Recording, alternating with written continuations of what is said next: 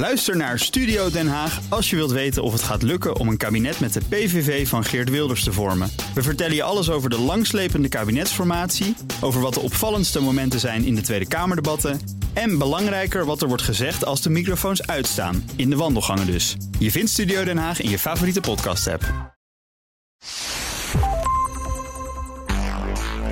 Welkom bij de Ben Tichelaar podcast bij BNR. De podcast over persoonlijk leiderschap. Wat doe jij als je in je werk te maken krijgt met agressie, manipulatie en intimidatie? En hoe voorkom je dat je zelf net iets te assertief wordt in het contact met een collega of cliënt? Mijn naam is Ben Tichelaar en mijn gast in deze aflevering is Caroline Koetsenruiter. Schrijver van de nummer 1 bestseller Jij moet je bek houden. En directeur van instituut KCB, een trainingsbureau voor conflicthantering en bemiddeling. Caroline, welkom. Dankjewel. Je zat al een beetje te grinniken bij de boektitel. Hè? Jij moest je bek houden. Nou. Ik begreep al, jij vindt het zelf een moeilijke titel om uit te spreken. Uh, ja, ik, uh, ik scheld zelf helemaal niet zo snel of makkelijk. En deze titel is natuurlijk uit het leven gegrepen. En ik denk dat veel werken in Nederland wel hele andere titels nog vele malen ernstiger hadden kunnen verzinnen. Ja. Uh, maar klopt, ik, ik, ik zal in deze podcast zeker voorbeelden geven van, van, van taalgebruik. Wat ik in het normale leven zelf helemaal niet makkelijk bezig. Dat is meteen een disclaimer al helemaal aan het begin. Maar je bent ook jurist, hè? dus ja. dat hadden we ook wel kunnen verwachten. Klopt. Goed, maar je bent, ja, precies. Maar je bent een jurist die gespecialiseerd is in conflicthantering. Je bent helemaal in die wereld gedoken en geeft ook training al uh, jarenlang vanuit je eigen bureau. Dat doe je al vanaf 2007. Op het gebied van dit soort dingen. Dus mensen die gemanipuleerd worden, die agressief bejegend worden op het werk. Waarom boeit jou dat zo? Nou, dat boeit mij omdat ik daar zelf ook echt wel mee worstel. Ik, uh, ik ben iemand die, uh, zoals gezegd, ook wel erg houdt van de harmonie, het goede gesprek. Het fijn vindt als mensen het, het naar de zin hebben. En dus gaat het mij van helemaal niet zo makkelijk af om een ander aan te spreken op gedrag of te begrenzen. Dus ik heb dit boek eigenlijk voor mezelf geschreven. En die trainingen, daar ontmoet ik eigenlijk elke keer gelijkgestemde professionals. Dat zijn leerkrachten, dat zijn ambtenaren, dat zijn verpleegkundigen die net als ik denken: jeetje, hoe moet ik hier nou mee omgaan? Ja. Ja, oh, dus jij vindt het zelf eigenlijk van nature heel moeilijk Ja. als mensen agressief of vervelend tegen je doen. En je hebt dus ook vaak met je mond vol tanden gestaan. Zeker weten. Ik heb zelfs situaties gehad toen ik zelf bezwaren behandelde bij een ministerie. dat ik s'avonds thuis op de bank, uren na zo'n vervelend gesprek. eigenlijk nog na zat te trillen en zat te bedenken: Carolien, je had dit moeten zeggen, je had zo moeten reageren, je had die vraag moeten stellen. Maar in het Wat moment. iedereen wel kent. En na het gesprek denk je, dat had ik moeten zeggen. Juist. Maar het, het reptiele brein, wat, wat enorm aangaat als we aangevallen worden. of we hebben in één keer te maken met een acute spanning. zoals bij confrontatie of conflict. Ja. Ja, dat legde mijn jongere brein eh, helemaal stil. Dus ik kwam niet Ja. bij eh, die slimme oplossingen. of die, die, die vragen. Of Onder die druk of in stresssituaties is het heel moeilijk om creatief te zijn. Hè? Ja. precies. Dus jouw boek en ook jouw ideeën, de trainingen die je geeft, helpt dus mensen om zich voor te bereiden op dat soort moeilijke situaties. Ja. hoe groot is het probleem in Nederland? Nou, dat, is, eh, dat was jarenlang stabiel. Dat zat steeds rond de 1,6 miljoen agressie- en geweldsincidenten. In 2019 zagen we. 1,6. Dat is Ja. bijna. dus Iedere, iedere Nederland, 1 op de 10 Nederlanders heeft daarmee te maken. Kun je dat zo zeggen? Of zijn er een paar mensen die er voortdurend mee te maken hebben? Nou, zelfs één op de vier werkenden in Nederland heeft ermee te maken. En de helft daarvan heeft er elk jaar opnieuw mee te maken. Oké. En in 2019 zagen we zelfs weer 1,7 miljoen agressie- en geweldsincidenten. En daar komt nu de coronasituatie overheen. Oké. Die ook leidt tot een toename van 60% met name op dit moment eh, 60% toename van agressie richting zorgprofessionals. Dus we gaan hoog uitschieten dit jaar in En wa- wanneer, 2020. wanneer is het agressie? Wanneer spreek je daarvan? Want het- bedoel, als je het hebt over geweldincidenten tegenover bijvoorbeeld zorgverleners, dan denk je natuurlijk aan ambulancepersoneel dat Ja. zeg maar echt gewelddadig bejegend wordt door mensen met grote tattoos en zo, denk ik dan. Ja, maar, ja, ja. maar het gaat ook misschien over gewoon iemand aan de telefoon die een beetje boos is. Zeker weten. Hè. Fysieke agressie, dat, dat schoppen, slaan, duwen, daar, daar kunnen we ons allemaal wel iets bij voorstellen. Eh, verbale agressie komt in Nederland veel voor. Dat is inderdaad eh, het uitschelden, het schreeuwen. Hè, dat Ja. kan zijn in het algemeen en dat kan ronduit op jou als persoon zijn. Maar in Nederland hebben we ook 1,4 miljoen intimidatiegevallen. En dat is een, een berekenende vorm van op de persoon spelen. Bijvoorbeeld zeggen, joh Ben, als jij mij die korting niet geeft... dan gaat er toch een review over jou de deur uit, mannetje. Ja, Dan ja. ben je nog niet jarig. Dat Of, of jij denkt zeker dat ik jouw baas niet ken. Zal ik hem even bellen? Ja. Exactly. Ja. En dat is leuk witte borden. Hè? Dat noem ik witte boordenagressie. Hoge status, instrumenteel gedrag.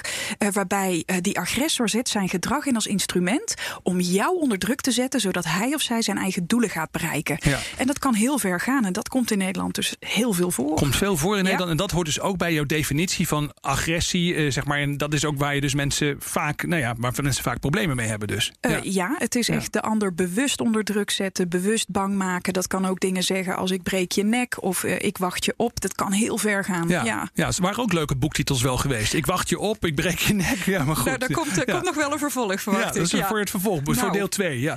Hey, um, in Nederland is het erger dan in andere Europese landen. Kun je daar iets over zeggen? Ja, daar is een onderzoek naar gedaan. Dat is in 2017, dus dat is wel weer van drie jaar terug. Maar daar is een onderzoek gedaan naar trends in Europese arbeidsomstandigheden. En daaruit is gebleken dat um, van de 15 originele Europese Unielanden scoort Nederland 20 procent, uh, althans de, de, de, de werkende in Nederland hebben in 20 procent van de gevallen te maken met agressie en geweld. En als je dat afzet tegen. Op, op, is dat per jaar of in hun leven? Of? Uh, nee, dat is op jaarbasis. Op jaarbasis. Ja. Dus en, 20 procent van alle Nederlandse werkenden heeft jaarlijks te maken, of jaarlijks heeft 20% van Nederlandse werken, werkenden te maken met dit soort vormen van agressie. Ja, en dat, dat was dus in 2017. En we zien ja. inmiddels in 2019 dat dat voor Nederland is opgelopen naar 29 procent. Dus er en hoeveel is het in Europa? 14 procent gemiddeld genomen. Oh, meen je niet? Ja, 12 procent. Wat zeg ik nou? Het ja. uh, het is, het is, uh, uh, de kloof is zelfs dus nog groter. Nog groter. Dus 12 procent ja. gemiddeld genomen in de Europese Unielanden. Ja. En in Nederland dus 20 procent zelfs stijgende dus naar op dit moment 29 procent, denk jij, ja. zeg jij. Ja, en dat blijkt wow. uit onderzoek van TNO over 2019. Maar dat is bizar. Is het, ja. ik, even, hè, bedoel, ik heb zelf onderzoek gedaan. Ik wil dat dan ook altijd even weten. Ja. Um, dit is natuurlijk zelf een rapportage. Het kan het ook zijn dat gewoon mensen zeggen in Frankrijk van nou ja, die meneer was een beetje boos, maar ah, Allah, agressie. Hè? ik ben dat ook wel eens zo. Ja. Of is het, of is het zijn, zijn Nederlanders sneller op hun teentjes getrapt? Of, of waar zit hem dat in? Nou, ik denk zelf dat er drie factoren zijn die dit, uh, die dit kunnen verklaren. We hebben in Nederland van oudsher wel iets wat heet uh, botheid, directheid. Ja. Uh, een erg confronterende stijl. Daar zijn we trots op hè, in het buitenland vaak. Van wij zijn direct, wij zijn recht door zee. Maar Ja. dat is niet altijd fijn. Uh, nee, dat is niet altijd fijn. Dat merk je dus ook dat je als werkende vaak um, eigenlijk met nul empathie wordt bejegend. En dat is eigenlijk ook het tweede punt. Dat we een soort ja, doorgeslagen consumptiemaatschappij met elkaar hebben. Dat we uh, zelfs ons als consument gedragen als we dus in het ziekenhuis zijn. Of als we in Oh de ja. bus willen reizen.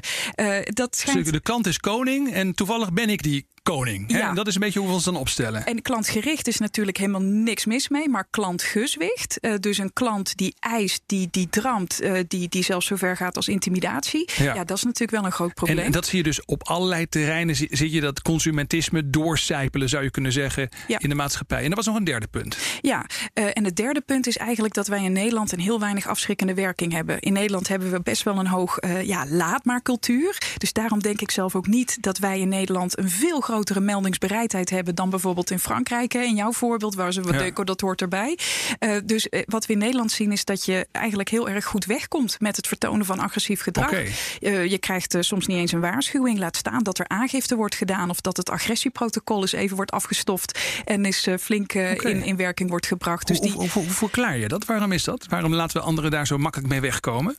Ik denk dat er een, een groot taboe ligt en schaamte ook wel op het thema conflict en agressie. Er wordt natuurlijk al heel snel gezegd waar twee kijven hebben twee schuld. Oh ja. Uh, dus ja, jij als medewerker, als jij naar je baas gaat om te vertellen, nou het is vandaag echt helemaal uit de bocht gegierd, dan ken ik helaas werkgevers, leidinggevenden, die dan ook eerst gaan zeggen, ja maar Ben, wat deed jij dan in dat contact? Ja, precies. Ja. Uh, Ja. voordat je het weet, uh, komt het bij jou bij wijze van. En daarom is het ook goed dat werkgevers dit soort cijfers kennen. Dan weten ze in ieder geval dat het veel voorkomt. Ja, ja. Ja, wat er tegenover staat is dus als we weten in Nederland dat 29% van de werkenden te maken hebben op jaarbasis met agressie en geweld, dan zien we ook uit onderzoek van TNO dat maar 5% van de werkgevers agressie een belangrijk risico vinden. Dus zo wakker zijn ze nog niet, eh, wat naar mijn smaak. Nou, we zijn bezig om ze wakker te maken Ja. met deze podcast. Dat is hartstikke mooi. Ehm, je noemde net al eventjes, ik vroeg net eventjes, hoe komt het nou zeg maar, dat mensen daar zo makkelijk mee wegkomen? Jij denkt Ja. dus ook, mensen zijn niet zo bereid om er dus over te praten met bijvoorbeeld hun baas. Omdat ze denken, ja, waar rook is, is vuur. Hè? Dus eh, dat, dat, zo wil je niet overkomen. Zijn er nog andere redenen? Ja, zeker. Want er zijn natuurlijk geluk, uh, genoeg, ge, ge, gelukkig genoeg werkenden die wel wel een melding doen of die, die dit aankaarten. Maar dan zie je dus dat de werkgever bijvoorbeeld niet de stap zet om aangifte te doen. Of de politie zegt: ja, dit hoort toch een beetje bij uw vak. U werkt in de jeugdzorg. Ja, u moet dat maar accepteren. En wij hebben het als druk als politie. Ja. Daarom. Dus, wij, wij, horen ook wel eens wat van burgers. Ja, ja precies. Wij gaan deze aangifte niet eens opnemen. Dan kom je bij het Openbaar Ministerie, die soms ook wel ja, erg makkelijk zijn in het eisen van een taakstraf. In plaats van dat ze gaan kijken naar alle mogelijkheden die er zijn om zeker tegen hulpverleners strafverzwarend op te treden. Dus, dus het heeft ook eigenlijk niet zoveel zin om daar achteraan te gaan. Nou, ik vind uh, dat als wij in Nederland af willen van dit soort cijfers en ook hoe we het dus vergeleken met andere Europese landen doen, ja, dan, dan hebben we wel echt een veranderopgave. Dan moeten we allemaal, die werkende, die werkgever, politie, het Openbaar Ministerie, moet gewoon in de pas gaan lopen. De gelederen moeten zich gaan sluiten. Ja, maar tegelijkertijd zitten dus nu op dit moment naar deze podcast mensen te luisteren. Eh, als het werkende mensen zijn bijna één op de drie. Die zeggen: Ik herken dit, ik heb hiermee te maken. Ieder jaar heb ik hiermee te maken. En die voelen zich dus behoorlijk in de steek gelaten. Ja, ook dat. Ik kom erg veel op cijfers, maar meer dan 550.000 werkenden in Nederland missen allerlei beschermende maatregelen. Die hebben dus geen agressieprotocol. Uh, die weten niet uh, dat ze uh, getraind kunnen worden op het herkennen van verschillende vormen van agressie. En dat het een echt een andere aanpak heeft dan het ander. Ja. Die mensen worden best wel aan hun lot overgelaten. Nou, dan, gaan we, gaan we, dan gaan we nu iets aan doen. Dan gaan we nu iets aan doen. We gaan er gewoon eens even een paar hele goede tips op een rijtje zetten. wat je hier tegen kunt ondernemen. Hoe je er tegen kunt Eerst eventjes, kan ik van tevoren de agressieveling al herkennen? Dus even heel flauw, maar als, als we hierover praten. ik denk dan altijd aan kale mensen met, mm met laten we zeggen, tattoos op gezichtshoogte. Ja. breed geschouderd. Dat je denkt, oh, daar komt weer zo'n intimiderend figuur aan. Is dat nou de typische agressieveling? Dat, dat, dat zou je kunnen denken. En er zijn zeker ook wel types die bewust als ze zaken willen gaan doen... echt wel hun, hun allerstoerste kleding uh, uit de kast trekken... om alvast wat te intimideren richting de cashier. Maar we zien eigenlijk over de gehele linie ook hoogopgeleide mensen... die kunnen heel slinks, heel erg slim intimideren, bedreigen. Dus het is helaas niet zo dat je altijd van tevoren het kunt Het is niet de persoon in de achterbuurt. Nee. Het is het, iedereen doet het dus af en toe wel eens. Ja. Jazeker. Ik, ik werk veel met, met, met alle, alle handen soorten medewerkers. Maar ik hoor vaak juist dat de echt lastige, veelvragende klagers bijvoorbeeld... dat dat de hoogst opgeleide zijn in Nederland. Die kennen precies, weten ze vaak beter in het wetboek... waar ze recht op hebben. En gaan jou dat als werken eens even flink onder de neus wrijven. En zijn ronduit eisend, drammerig. En daarbij ook uh, ja, agressief en intimiderend. Ja, dus we zijn nu even bezig om zeg maar, even te herkennen van tevoren... heb ik te maken met een potentiële agressieveling. Ja. Maar dat kan dus iedereen zijn. Dat kan, dat kan dus ook Caroline Koetseruiter zelf zijn, bijvoorbeeld. Ja, ja hoor. Ja? Zeker. Even eerlijk, heb je, ben je wel eens agressief geweest naar iemand anders toe in het, uh, nou, in ik, het contact op het werk? Nee, agressief naar een ander op het werk niet, niet direct. Ik heb wel een keer een privé situatie gehad met een, uh, met een aannemer in een verbouwing. Waar we echt van dachten: jeetje, wat, wat moeten we nou doen om ja, maar deze met een aannemer is logisch. Hè? Nou, ja, wie heeft nooit ruzie met een aannemer gehad? Kijk, Nee, maar even zonder gekheid. Dat, en, en hoe, hoe, ver ga je dan? Ben je dan ook bewust van het feit dat je, dat je probeert echt het, nou ja, laten we zeggen, niet te laten escaleren? Uh, nou, het grappige is, uh, conflicten hebben van nature de neiging om te escaleren. En zeker als jij je al langer niet gehoord voelt, niet serieus genomen voelt, dan voel je eigenlijk zo'n escalatie al ontstaan. Je krijgt een soort agressiespiraal. En dat begint met eerst, hè, ook in mijn geval, zo'n aannemer netjes vragen: hé, hey, maar wanneer denk je het dan wel af te hebben? Ja. Als die open vragen niet werken, dan schaal je op naar leidend gedrag. Ik stel voor dat je vandaag komt, we maken een rondje door het huis en we zetten nu een handtekening. Ja. Zo gaan we het doen. En toen dat niet hielp, toen heb ik wel ja, samen met mijn man de bewuste keuze gemaakt om dan echt forcerend gedrag in te gaan zetten. Dus met hulp van een advocaat heel duidelijk maken dat hij nu echt uh, in gebreken bleef en dat hij het moest herstellen. Want anders zouden daar, ja, daar komt hij, de als-dan-constructie wel gevolgen voor hem aan hangen. Ja. En toen pas kwam hij. Ik zal zelf niet snel van 0 naar 100 in 3 seconden gaan, meteen met zo'n uh, aanvallende juridische brief starten. Ja. Maar ik vind hier wel, uh, dat, ja, hier moest iets gebeuren. Het maar het is wel interessant. Hè? Dus soms kan je je dus ook best voorstellen dat iemand anders, zeg maar, die, die dan ja. als agressief op een gegeven moment wordt gekwalificeerd, dat die ergens toe komt, dat die boos wordt over iets. Zeker. Ja, en dat hebben we allemaal wel een keer meegemaakt. Absoluut. En ik denk dat ervaren onrecht, hè, dus stel jij loopt ja. al, al maandenlang tegen iets aan richting de gemeente of richting het ziekenhuis of op school rondom een van de kinderen en je hebt alles geprobeerd en er komt maar geen beweging, hè, dan praat ik agressie en geweld nooit goed, dat niet. Maar je kunt voorspellen dat het op een gegeven moment van een inhoudelijk meningsverschil naar een persoonlijk conflict raakt. En zelfs kan uitmonden in een oorlog waar we alleen nog maar vijandschap hebben. Dat is heel grappig. Dus dat betekent als ik dus, of grappig, ik bedoel grappig bedoel ik altijd als interessant. Hè? Dat is dus heel interessant dat wanneer je um, op een gegeven moment in je werk te maken krijgt met mensen die zich potentieel nou ja, onrecht aangedaan eh, kunnen voelen, die dat zou kunnen ervaren, ja. uh, dan, dan heb je dus al een wat verhoogd risico. En als je dus een gesprek hebt met iemand die zich onheus bejegend voelt, dan weet je, dit kan wel eens escaleren. Dat is een, een eerste waarschuwing misschien wel. Ja, want jij bent ook op zoek, en dat vind ik zelf ook heel belangrijk om het concreet te maken. Want dat kun je wel herkennen. Praat iemand veel in het verleden? Heeft iemand het over oud zeer? En het is altijd wat met jullie. En de vorige keer was het ook al mis. Als ik dat hoor, dan hoor ik stemverhef. Ik hoor dat iemand een opstapeling van teleurstellingen heeft in het verleden. En dat komt er nu uit richting mij als professional. Dan ga ik al duiden, we hebben hier mogelijk te maken met iemand die frustratieagressie kan gaan vertonen. En dat is niet bewust, maar dat is onbewust afreageren vanuit ja, eigenlijk uh, de, de, de, de spanningen die dat conflict met zich meebrengen. Dan, dan is de ratio vaak ook niet meer online. Maar is iemand echt een speelbal van cortisol, adrenaline, herbelevingen. En ja, dan kan er hard geschreeuwd en soms ook uh, echt wel met iets gegooid worden, bijvoorbeeld. Ja, dat is heftig. Ja, ja sommige mensen, uh, kijk ik eventjes naar mezelf, uh, laat ik eerlijk zijn. Uh, ik, ik kan soms al, bijna op dat niveau komen als ik 30 minuten in de wacht heb gestaan en een paar keer ben doorverbonden. Dan kan Precies. je al behoorlijk gefrustreerd worden soms. Absoluut. Ja. En dan is er dus eigenlijk ook een soort boosheidsberg gaande. En dat ja. kan dus ook leiden tot een ontlading. Maar het grote verschil met frustratiegedrag is, als je dat afzet tegen die intimidatie, is frustratiegedrag vaak wel goed te kalmeren. Want dat is dan natuurlijk de vervolgstap. Hè. Hoe ga je daar dan mee om als werkende? Allereerst dat gedrag herkennen en het dus ook niet maken alsof het een persoonlijke aanval is. Maar het is echt iemand die loopt vast in het systeem, die ervaart onrecht, die is afhankelijk, die staat al 30 minuten te wachten, wordt steeds uh, doorgespeeld en krijgt maar niemand uh, aan de lijn. Als we dat gedrag herkennen, vervolgens kunnen erkennen, dus ook benoemen dat het ronduit vervelend is dat u al 30 minuten uw tijd heeft verdaan en nog steeds niemand u een antwoord heeft kunnen geven. Als we dat hebben kunnen erkennen als professional en vervolgens kunnen verkennen wat we nu kunnen doen om zo snel mogelijk wel dat antwoord te geven of die duidelijkheid aan u te verschaffen. En desnoods bel ik u om vijf uur vanmiddag nog even terug. Ja. Eh, en laat ik het u weten, ook als ik nog geen antwoord heb, dan zijn we eigenlijk aan het kalmeren. Oké, dus dat eerst moet je dus erkennen. Nou ja, je moet het dus herkennen ja. eerst. Hè? Dus de signalen moet je zien. Yes. En dan is het erkennen en dan verkennen. Ja. ja deze drie dingen. Dat is, ja. En daar, daar los je al veel mee op?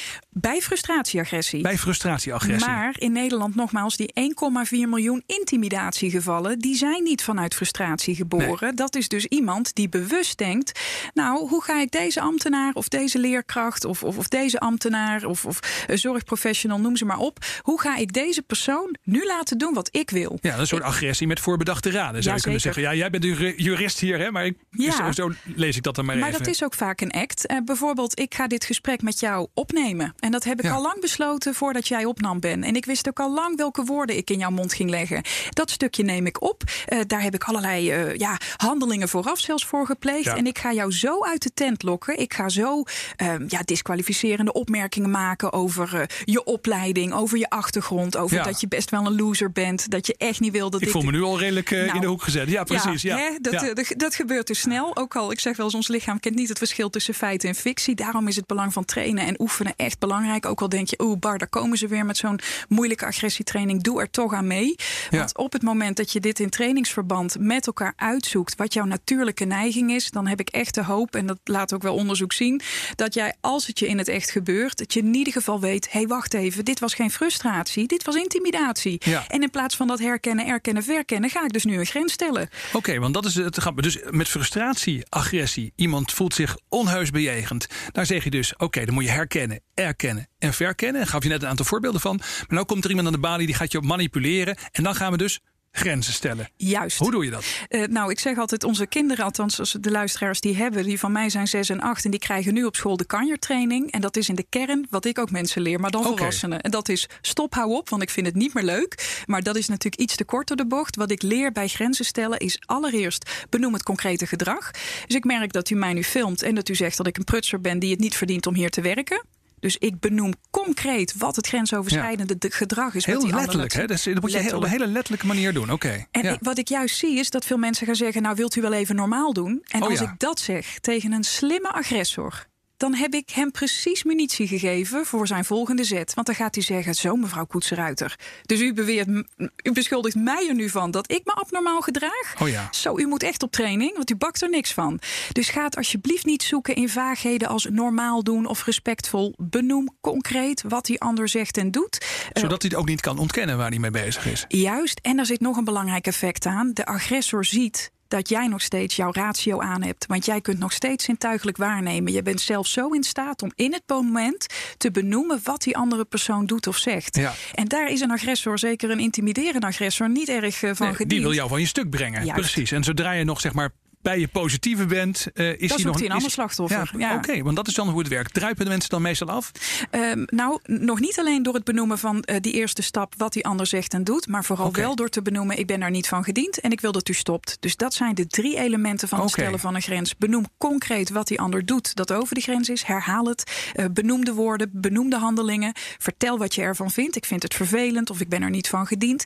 En de derde stap maakt het de grens. Zeg wat je wil dat er moet gebeuren. Dus ik wil dat u ophoudt of ik wil dat het stopt. Niet gaan vragen eh, van wilt u daar alstublieft mee ophouden? Want dan zijn we eigenlijk weer Ja. in die ruimtegevende interventie. En zegt de agressor natuurlijk nee, ik ben pas net begonnen. Ja, Dus ja. eh, eh, hou het leidend.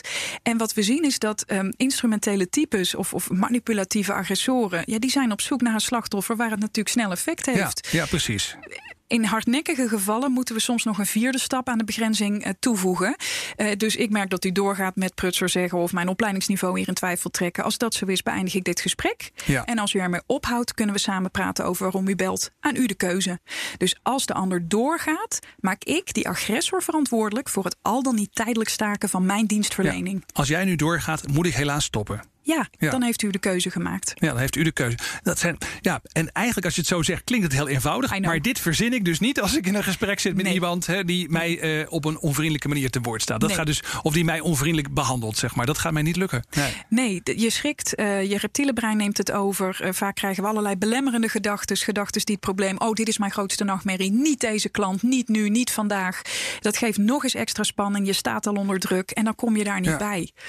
Dus dat is het, het, het, het moeilijke van hè, de technieken aan zich. Die kun, je, die kun je zo een keer horen of nalezen. Maar vervolgens in het moment een bepaalde mate van ontspanning terugvinden in jezelf. Om Ja. dit ook te kunnen benoemen. Om dat overzicht terug te pakken. Ja, dat is Dat moet je topsport. oefenen. Ja. Dat moet je oefenen. Net- Net als sport, hè, inderdaad. Je noemde een vergelijking inderdaad. Je zegt de topsport. Maar sport, topsporters oefenen heel veel hè, voordat ze de wedstrijd ingaan. En dat doen we eigenlijk op het werk natuurlijk vaak veel te weinig. Dan lezen we een boek. Dan zeggen nou, dit boek beschrijft het heel leuk. Hè, en dat is misschien ook wel jouw boek. En, Ja, eh, eh, zo zijn er vele. Ja, precies. Nou ja, dat weet ik niet. Maar in ieder geval, eh, en dat, dan moet je er toch echt mee aan de slag. Dan moet je het echt trainen. Ja, en daar is ook weer die werkgever, hè, maar daar zijn ook die collega's. Als jij eh, als, als leidinggevende of als werkende eh, nooit iets hoort over agressie op de werkvloer, terwijl je nu hoort dat 29% ermee te maken heeft, dan zou ik daar eens naar op zoek gaan. Ja. En, en kijk ook eens mee met een collega. Ik, ik zeg wel eens, eh, je hebt soms ook bemoeirecht en bemoeiplicht. Als je ziet dat ik het heel moeilijk krijg aan de balie.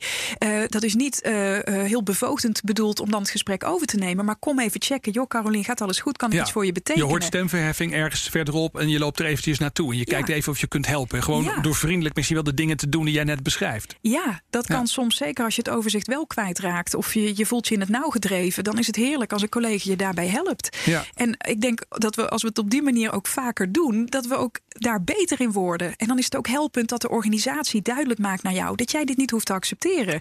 Dat dit echt agressie is. Dat er een duidelijke norm ook in het bedrijf is of in ja, de instelling waar je werkt. Hey, we hebben het steeds gehad ook over twee kanten van de medaille. We hebben eigenlijk tussendoor al even over gehad dat jij zelf ook wel eens een keer wel boos bent geweest. Ja, en dat op een hele nette manier hebt opgeschaald. Ik herken het ook. Eh, hoe voorkom je nou dat jij die agressieveling wordt? Wat kan ik doen om te zorgen dat ik zelf niet meer eh, zo boos word als ik bijvoorbeeld te lang in de wacht sta? Of Ja. als ik me onheus.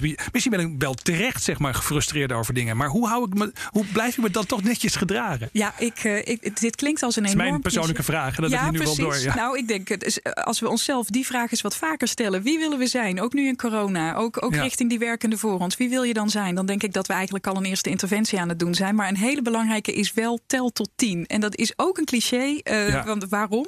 Eh, wat je daarmee doet, is je creëert eigenlijk afstand tussen dat reptiele brein, die oerreactie en hoe wil ik reageren. Dus het is ook een resetmoment waarbij jij even die rust kunt pakken om te duiden: oké, hoe wil ik me nu opstellen? Hoe, eh, hoe ga ik om met dit slecht nieuwsbericht of deze teleurstellende boodschap? Ga ik me nu volledig afreageren? Of ga ik proberen ook voor mezelf tot een oplossing te komen? Dus dat is een hele belangrijke. Dat telt tot tien. Maar daarnaast ook, uh, um, we hebben een, een, een neiging, dat noem ik een attributiefout. En die zal ik eens uitleggen wat dat is. Ja. Ons eigen gedrag vergoeilijken we heel snel. Dus ja, ja ik had honger, uh, ik had slecht geslapen. En daarom had ik heel veel haast om op de snelweg naar huis te komen. En ben ik erg gaan bumperkleven. Maar dat doe ik normaal nooit. Dat was ja. één keer. Dus we zijn heel lief en zacht over ons eigen conflictgedrag.